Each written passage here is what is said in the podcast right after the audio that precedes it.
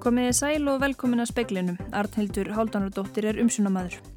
COVID-göngudeldin þarf að forgangsraða símtölum við smitaða vegna þess hver margir eru veikir. Farsótarhús er að fyllast.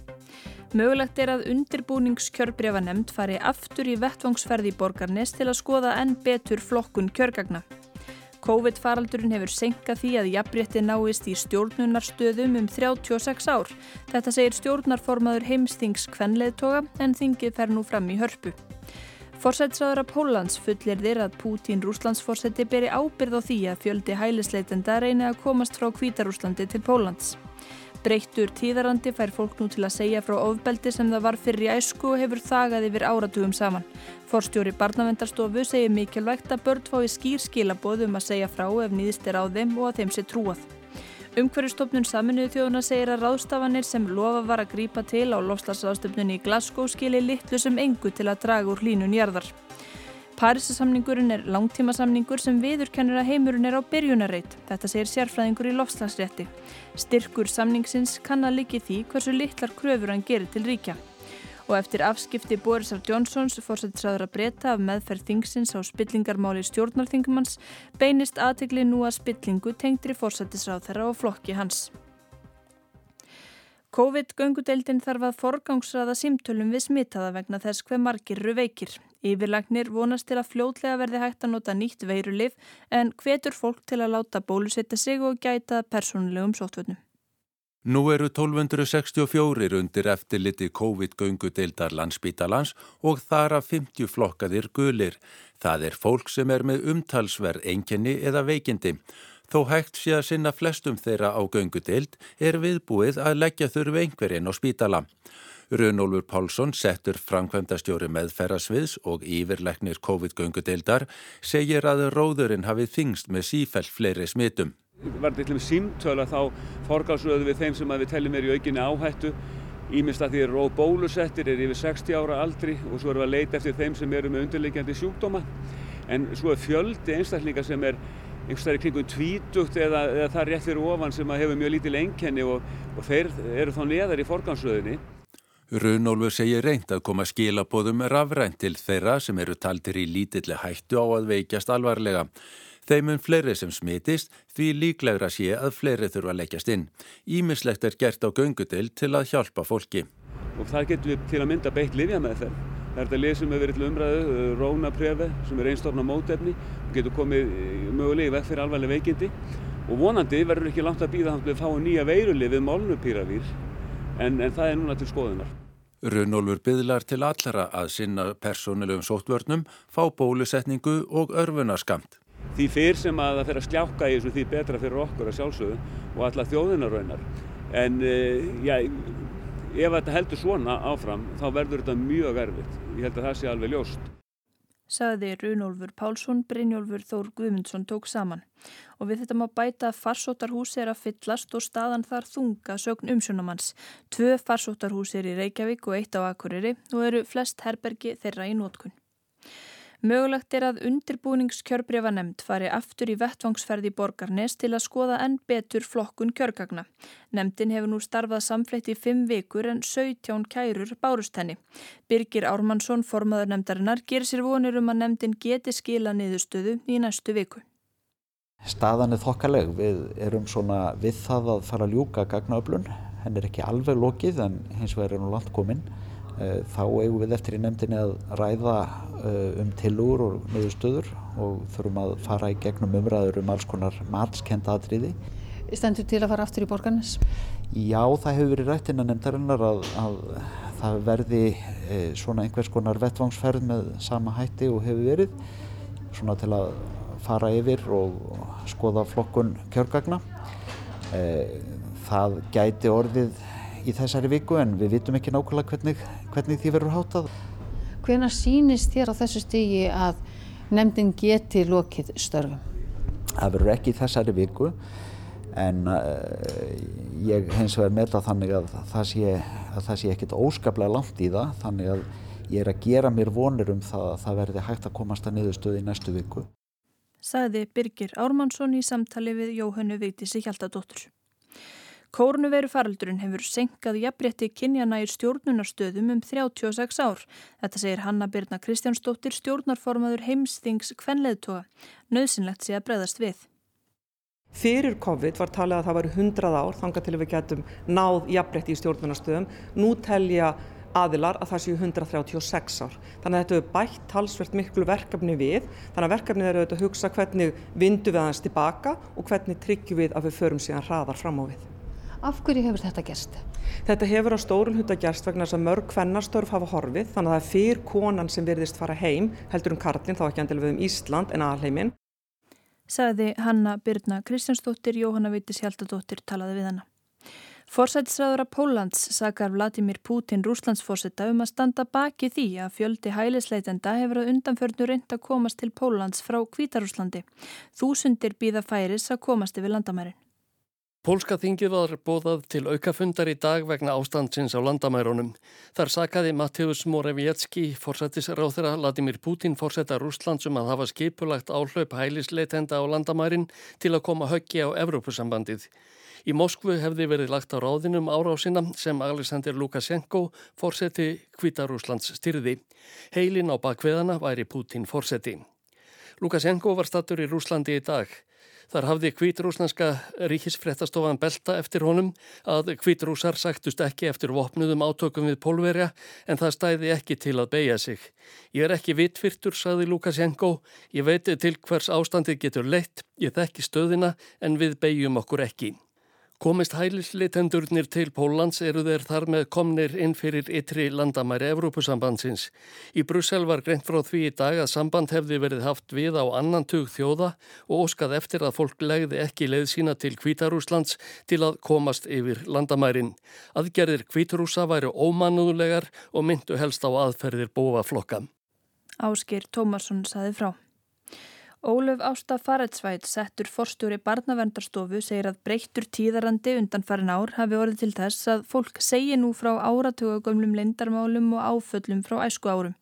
Guðni Bjarnadóttir Læknir segir í aðsendri grein í morgumblaðin í dag að Kristinn E. Andresson, einn helsti frömuður íslenskra kommunista á síðustu öld, hafi beitt hana kynferðisofbeldi þegar hún var nýja ára gömul. Það var þenni mikið áfall en hún þagði yfir því í 60 ár meðal annars til að hlýfa fóreldrum sínum. Óluf Ásta segir að áföll í bernsku geti haft margvíslega áhrif á fullorðinsárum. Þegar að börn farið það að hlýfa fóreldrum sínum þá er það vegna þess að það og það er mjög algengt og það er algengt í dag að börn vilja jafnvel ekki segja fóröldum að þau vil ekki leggja á þau meira af því þau eru hvort þið er að takast á einhver vandamál sem börnin skilja sem stór vandamál en við þurfum að gefa börnunum okkar skýr skilabóðum það þau eiga að segja frá og það er líka mikilvægt að börnin fái þau skýri skilabóð að fullorna fólkið á að takast á við þessi ábyrg og á að taka ábyrg á börnunum. Ég hugsa að þessi samfélagsumræða sem á sér stað í samfélaginu í dag gerir það verkum að hún ítir undir það að fólk þarf alltaf að fara að skoða inn á við og fólk sem hefur reynslu sem er búin að bæla þessar tilfinningar og upplifanir í mörg mörg ár það verður miklu erfiðara fyrir þau. Svo er það líka ef að einstaklingu sem brítir á börnum á kynfærslegan hátt hefur sterkast stöði í samfélaginu að þá er alltaf þessi ótti hjá börnunum að þeim sé ekki trúað. Saði Ólöf Ásta Farstvætt. Umhverfistofnun saminuðu þjóðuna segir að ráðstafanir sem lofað var að grípa til á loslasástefnun í Glasgow, þar á meðal fyrirheit Indverja að stefnað kólefnislutleysi fyrir árið 2070, skilir litlu sem engu til að draga úr hlínun jarðar. Umhverfistofnunin UNEP byrti í síðasta mánuði árlega stöðuskýrslu sína þar sem því er spáð að miðað við áform þjóða til að draga úr losun gróðurhúsa loftöfunda eigi hiti á jörðinni eftir að hækka um 2,7 stík fyrir lok aldarinnar. Á leðtóafundi við upphafu umhverfis erðástefnu saminuðu þjóðana í Glasgow um síðustu mánaðamót endur nýjuðu leðtóarnir lofur sínum að gerðir til að snúa þróuninni við meðal annars indverjar sem heita kólefnis hlutleysi í síðasta lagi árið 2070. Í ljósi þessara lovorða hefur UNEP uppfært stöðu skýrslu sína og kynnti niður stöðuna í dag. Hún er svo að áhrifin verða sára lítil. Inger Annesen, yfirmaðurstofnarinnar, sagði þegar hún kynnti uppfærsluna að staðan væri óæskileg.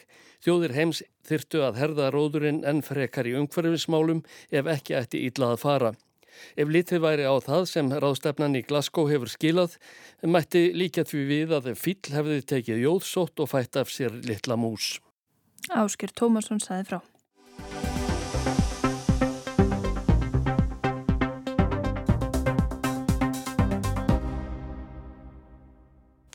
Parísar samningurinn er langtíma samningur sem viðurkennir að heimurinn er á byrjunarreit. Þetta segir sérfræðingur í loftslags rétti. Samningurinn hefur verið gaggrindur fyrir veikar lagalegar skuldbindingar en reynslan sínir að hjá ríkjum heims er lítil stemming fyrir strángari kvöðum. Styrkur samningsins liggur hugsanlega í því hversu veikur hann er. Welcome to the first ever COP World Leaders Session on forests and land use, an event that I hope will become a fixture of COP. Í síðustu viku var pólitíkin í forgrunni á loftslagsraðstöfnu saminuð þjóðan í Glasgow.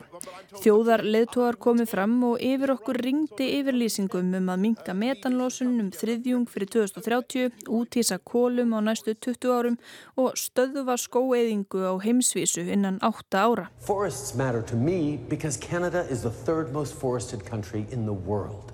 La nature fait partie de notre identité. Ведь в нашей стране расположено около 20% всех мировых лесных массивов. Мы принимаем самые серьезные и энергичные меры для их сохранения. My fellow leaders, I'm honored to represent uh, the United States in this important discussion. Parísar samningurinn á fáa sína líka en virkar hann? Er gagni því að fá þjóðarleðtoga og sendinemdir á tveggja vikna fund í Glasgow eða er þetta bara grænþvottar hátíð og eintomt bla bla bla eins og aðgerða sinnin Greta Thunberg vil meina. This is no longer a climate conference. This is now a global north greenwash festival. A two-week long celebration of business as usual and blah blah blah. Speillin fór yfir lagalegu hliðina á því sem er að gerast í Glasgow með Hrafnhildi Bragadóttur, sérfræðingi í loftslagsrétti og aðjungt við Háskóla Íslands og byrjaði á að spyrja ná til allar nýju yfirlýsingarnar frá í síðustu viku um metan, skóa og kól. Hafa þær eitthvert lagalagt gildi? Eins og er, eru þetta bara pólitískar yfirlýsingar ríkja. Hlutverk aðeldaríkja þingsins er meðal annars að styrkja þessa samvinnu ríkja og ebla þeirra traust og, og, og samvinnu vilja með því einmitt að taka svona pólitískar ákvarðanir. Og það er ekkit sjálfgeð að þær verði eh, settar í formlega lagalegan búning síðar en þær geta haft heilmikið gildi þráttur í það. Ríki reynir kannski að taka með af þessum lofordum og uppfæra landsmarkmið sín í samræmi við þau. Nú er setni vika ráðstöfnunar hafinn og róðurinn að þingjast hjá sendifulltrúunum. Þeir þurfa að ná samstöðum ímisatriði sem ekki náðist að semjum síðast, svo sem reglur um sameinlegan kólefnismarkað. Þeir vinna líka því að fá ríki til að auka metnaðin og þar hefur náðust nokkur árangur í glasko að því að virðist. Í upphafi ráðstöfnunar var áætlað að meðalhiti á jörðinni myndi hækkum 2,7 gráður fyrir lokaldarinnar að því gefnu að ríki stæðu við markmið sín. Nú hafa mörg ríki bætt í og vísindamenn við háskólinni Melbourne í Ástralju telja að verði lofur þeirra veruleika stefni línuninn í 1,9 gráður. Það er undir 2 gráðu viðmiðinu en vel yfir 1,5 gráðu markinu sem mörgum sökkvandi eiríkjum er keppikeppilegan á samstöðu um. Mest munar um nýtt markmið Indland sem hann á kólefnis hlutleysi fyrir árið 2070. Þingið hefur það hlutverk að halda utanum og þróa samvinnu ríkja í loslasmálum og samþýtti til dæmis bæði Kyoto-bókununa og Parísasamningin. Í ári er markmiði fyrst og fremst að reyna að endurvekja pólitísku samstöðuna frá í París, fá ríki til að endurskoða markmiðin og sammælast um ymsar pólitískar áherslur, svona eins og þau gerðu í vilja yfirlýsingunni um stöðfun skóareiðingar. Regluverk Persamkomlagsins byggir á því að öll ríkin ái samstöðu um aðgerðir. Það er ekki meiri hlutin sem ræður, heldur teljast tillögur samþyktar ef engin skýr mótmæli koma fram. Og samkomlagið hefur verið gaggrínt fyrir lingu. Þessi aðferð hefur vissulega ákveðna veikleika og augljósasti gallin er að þetta getur eh, leitt til þess að ákvarðanir verða svona daldi útvatnaðar og lægsti samnefnarinn verði ofan á. En það fylgja þessu líka ákveðnir kostir. Og þessi aðferð felur auðvitað í sér það að allir þáttakendur í viðræðanum hafa tækifæri til þess að hafa raunverulega áhrif á lokanýðurstöðuna og líka þessir valda minni þáttakendur eins og til dæmis lítil þróunaríki sem hafa samt mjög mikla hagsmunni af árangarsríkum aðgerðum í lofslagsmálum og þannig er, ef veltekst til, hægt að skapa kannski meiri sátt um niðurstöðuna. Og til dæmis þessi merkilega samstæða sem að náðist í París árið 2015. Það er eitt og sér uh, bara eitt helsta kepp í keppli alþjóðlegu lofslagssamvinunar. En það er vissulega ákveðin fórnarkostnæður. Samningarnir verða ekki eins beittir og það þarf að gera miklar málamiðlanir. Hrafnhildur segir að með öðrum reglum mætti taka afdrifaríkari ákvarðanir en ríki hafi ekki áhuga á því. Hún nefnir að frá árnu 1996 hafi leið fyrir tillaga um að náist ekki full samstaða hjá aðildaríkjum geti tveir þriðju hlutar þeirra tekið ákvörðun en þá tillögu hefur aðildarþingið aldrei samþygt. Hrafnildur lítur til forvera Parísasamkominnlagsins Kyoto bókunarinnar sem var við líði frá 2005 til 2020. Reynslan af henni hafi sínt að ríkir séu ekki spennt fyrir ströngum skuldbendingum. Kyoto bókunin sínd okkur kannski hérna, svarta kvítu að þetta vandamál uh, sem að hefur komið fram í samvinnunni að, að um leið og, og samningurinn sjálfur verður beittari og hefur svona strángari ákvæði um losun einstakra ríkja að það fækkar mjög hratt í hópi þeirra sem að vilja gangast undir bindandi skuldbindingar. George Bush kærði sig ekki um tölulegar skuldbindingar og dró bandaríkin út úr bókununni og setna skuldbindingatímabilinu millir 2013 og 2020 hættu Japan, Rúsland og Kanada líka. Eftir stóðu Evrópuríkin og Ástralja sem að saman báru ábyrða um 12% heimslósunar. Og hitt sem gerðist þessum tíma var að losun í þróunaríkjanum var í mjög miklum vexti þannig að heimslósunin var að taka mjög skarpa svegi upp á við og jógstum eitthvað um 40% á milli árana 1990 og 2012 og þetta þýtti náttúrulega það að skuldbindingar þessara fáu ríkja sem höfðu skuldbindið sig í kíótabókuninni urðunánast marklausar í nattrænu samhengi. Parísarsamkominlægið er bindandi alþjóðasamningur og hefur tekið gildikakvart þeim ríkjum sem að hafa fullgildan en ólíkt Kyoto-bókuninni hefur hann ekki að geima neinar kröfur til ríkja um tiltekinn samdrátt í losun gróðursalóftöfunda. Í staðin fyrir að skrifa skýrar losunartakmarkanir inn í samningin sjálfan fá ríkin fullt svigrum til að ákveða sjálf hvernig þau ná sínum markmiðum. Lagalegu kröfunar í samningnum snúað umgjörðinni afdráttarlausum skildum ríkjana til að setja sér markmiðum aðgerðir og upplýsa reglulega um hvernig miðar. Þetta eru svona beittustu lagalegu kröfur samningsins. Það eru þessi ákvæði um málsmeðferð og kröfur um upplýsingar.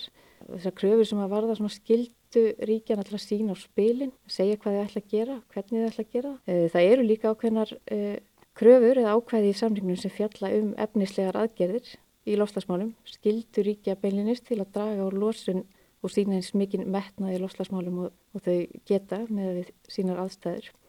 En þessi ákveði eru svona orðið flest á frekar almennanátt sem markmið eða kvartning eða tilmæli og, og þess vegna er oft talað um að þessi ákveði sé ekki lagalega bindandi en það er kannski réttar að segja að þessi hafi að geima svona frekar veikar lagalega skuldmyndingar. Í Kyoto-bókuninni sá undir hælan á sumum ríkjum þegar þau sáu að þau gæti ekki staðist skuldbendingar sínar. Ef þau stóðu sig ekki á einu tímabili áttu þau nefnilega að gjalda þess á því næsta. Parísarsamningurinn gerir ekki ráð fyrir neinum lagalegum viðlögum en Hrafnildur segir kröfur hans um gagsægi gera almenningi, alþjóðastofnunum, félagasamtökum og fleirum klift að veita ríkjum aðhald. Þá geti ríki beitt pólitískum aðgerðum til að knýja önnur ríki til aðgerða. Á ennsku er þetta kallað naming and shaming eða byrting og hyrting á íslensku og Hrafnhildur trúir því að þetta geti jafnvel verið áhrifaríkara en lagaleg viðurlög. Nú tekja að síga á setni hluta ráðstefnunar í Glasgow. Oft hafa þær dreyjist á langin, undir lokin vinna diplomatarnir jafnvel langt fram á nótt. Á þingin í Peru árið 2014 byrtust myndir af örmagna sendifulltrúum sofandi á grjónapúðum í ráðstefnusalnum. Segja má að menn hafi lagt sig í líma. Á ráðstefnunni í Katowice 2018 gáttu samningamenn ekki komið sér saman um reglur um viðskiptakerfi með losunarheimildir sem enni til umræðu. Lokaplaggið innihjælt því 672 tóma hortklofa hver þeirra ták fyrir eitthvað sem að ríkin áttu eftir að ná samstöðu um. Þetta hefur allt á sér ákveðin skorpublæ. Á ársfresti hittast allir, þrælast þér út í tvær vikur, sammælast um eitthvað og fresta öðru til næsta þings, eða hvað? Þingin sjálf eru þetta bara toppurinn á ísjakanum. Og það fer ótrúlega mikil vinna fram á millið þessari þinga og mjög stór hluti vinnunar hefur auðvitað þegar farið fram, þegar fulltrúarnir hittast þar. Og hún hefur farið fram bæði á undirbúningsfundum vinnunemndasamningsins og líka á pólitískum vettvangi, til dæmis leiðtófundum eins og G20 fundinum sem var haldið núna rétt fyrir fundin í Glasgow. Og það má til dæmis nefna bara fyrir aðeldaríkja þingið í París 2015 þá, þá höfðu fórsetar bandaríkjan á Kína hýst fyrirfram og gert með sér tvíliða samkomlega um aðgerði til að draga úr losun og það er held ég nokkuð almennt viðurkjent að þetta samkomlega hafi átt einna stæstan þátt í því að Parísasamningurinn varð að veruleika þótt viðræðunar og, og hérna, allt það sem gerðist á, á þinginu sjálfu hafi líka skipt mjög mjög máli. Í Parísasamningnum er hort til langrar framtíðar áratöyu fram í tíman. Þetta hefur verið gaggrínt en Rafnildur bendir á að þrátt fyrir þetta síðan líka mjög skamtíma meðaður. Á fimm ára fresti eigi ríki nefnilega að leggja fram uppfærð markmið og svo sé meti hvort þau nægi. Og þurfa alltaf að herða róðurinn við hverja uppfærslu þanga til aðgerðunar eru orðnar nógu árangarsríkar til að ná markmiðum samningsins. Þetta er einn svo kallaða metnaðar ringrás Parísasamningsins. Hún segir alvanalegt að alþjóðasamningar hafi misbeittar tennur. Það sem gerir Parisasamningin sérstakann sé þetta mikla stöðuga og skipulaða samspil sem hann gerir ráð fyrir að sé á milli lagalegra skuldbindingana svegar og pólitískra lovorða hinsvegar. Það sem ekki náðir samstaða um að skrifin í samningin hörð ákvæði um samdrátt í losun þá sé það í þessum pólitísku lovorðum sem eiginleg markmið ríkja í loslasmálum komið fram. Hún segir að þó að Parísasamningurinn hafi stundum verið gaggrindur fyrir að vera máttlaus séu aðrir sem að haldi því fram að hann sé reynd miklu sterkari samningur en Kyoto-bókunin. Hann sé raunhæfari og físilegri kostur til að fá ríki heims til að vinna saman því hann byggist á skilningi á því hversu skamt ríki séu reynd tilbúin að ganga við að taka á sér harðar lagalegar skuldbindingar. Ég held að við þurfum bara að hafa í huga að Parísasamningurinn er langtímasamningur sem að viðurkennir að það er óhemju mikið ógert við að draga úr lósun á heimsvísu. Og heimurinn sé í raun og veru á nokkur konar byrjunarreitt því að heimslósun hefur ekki enda náð hámarki.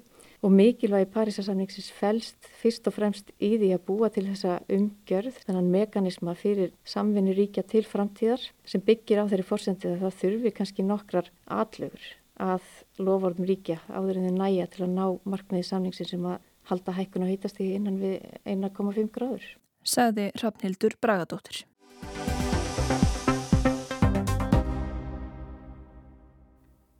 Í síðustu viku ætlaði Boris Johnson, forsætsræðara Breitlands, að hindra að þingið refsaði stjórnarþingmanni fyrir brota á aukavinnureglum með brottvísun úr þinginu í 30 daga. Afskipti forsættisráð þeirra mæltu svo illa fyrir að hann hætti við eftir sólaring. Afleðingin er að nú er meint spilling íhaldsflokksins og forsættisráð þeirra sjálfs í kaslusinu. Það var alveg ljóst hver greip fram fyrir hendurnar á breska þinginu þegar komaði á miðgudaginn var að greiða atkvæði um vítur á þingmannin og fyrir um ráðarann Owen Patterson fyrir brot á reglum um aukastörf. Boris Johnson, fórsætsráð þeirra ákvað að tryggur stjórnum þingmaður legði fram tillögu um að endur skoða lög um eftirlit með aukastörfum þingmana. Hið einstaka var að tillagan yrði afturvirk. Þingið myndi því ekki greiða atkvæði um að Patterson yrða vikja þingi í 30 daga eins og til stóð. Fórsætsráð þeirra sæði þinginu að kerfið væri óréttlátt, viðkomandi þingmaður ekki haft færi á að raukstiða sitt mál fyrir þinginu og þetta hefði verið fjölskylduarmleikur. The issue in this case, which involved, the issue in this case, which involved a serious family tragedy, Mr. Speaker, is whether a member of this House had a fair opportunity to make representations in this case.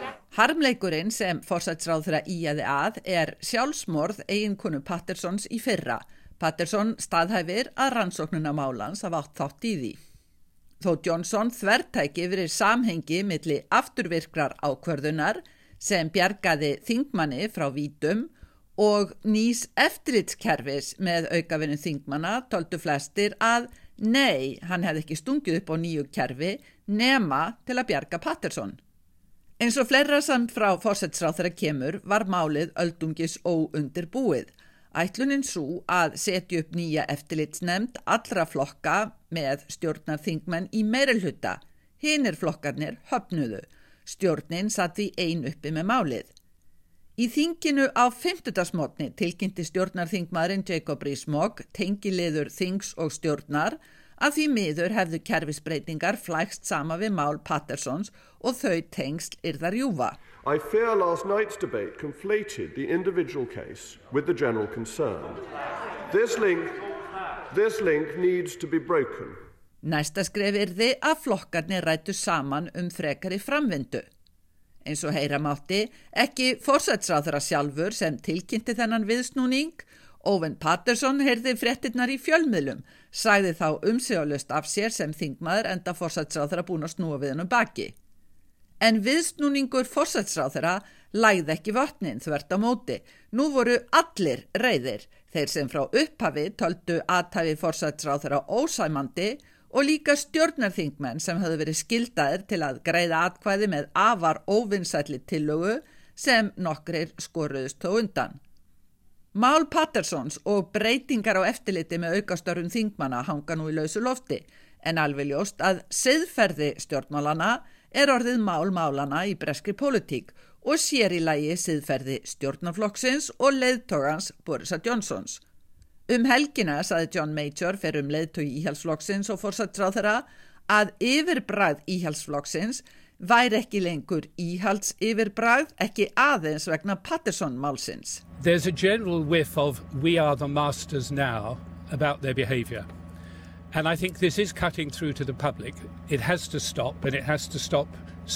Það vottaði fyrir þeirri afstöðu í ríkistjórninni að þeir sem væri við stjórn ættu heiminn. Kjósendur skinnjuðu þetta, þessu yrði að linna og það strax, sagði Major, þungagrinni sem beintist klárlega gegn fórsætsráð þeirra. Eftir ofur umræður og umfjöllun síðustu daga var í gær búða til aukafundar í þinginu til að ræða siðferði og aukastör þingmana. Forsætsráð þeirra mátti þó ekki vera að því að mæta í þingið til að ræða afleðingar ákvarðana sinna hvað þó að byggast afsökunar.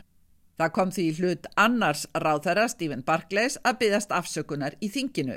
Kier Starmer leiðtói verkamannalflokksins hjó strax eftir þessu. Forsætsráð þeirra hrektist undan þeir þykja mæta.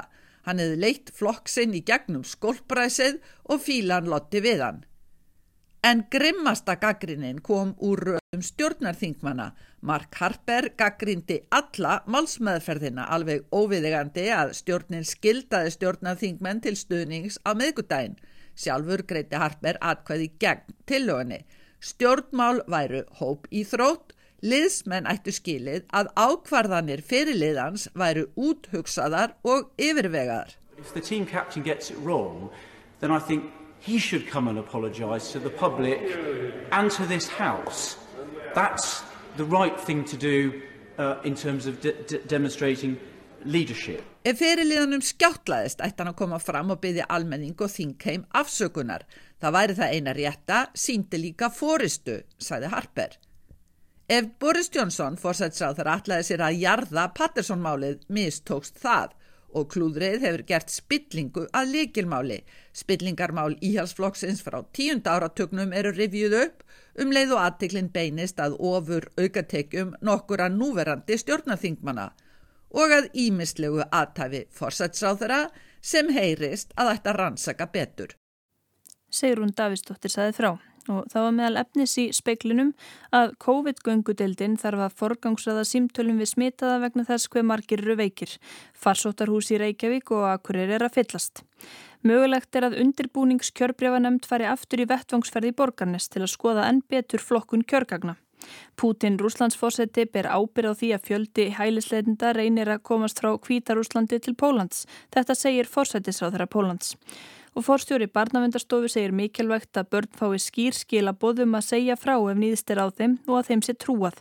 Breyttur tíðarandi fái fólk nú til að segja frá áfullum og ofbeldi sem það var fyrir æsku og hefur þagað yfir áratugum saman. Veðurhorfur snýst í norrlæga átt með snjókomu eða jæljum á norðanverðurlandin á morgun en stöku jél sunnan til fyrir hádegi. Kólnar í veðri. Fleiri er ekki spekli kvöldsins. Jón Þór Helgason sendi út. Verið sæl.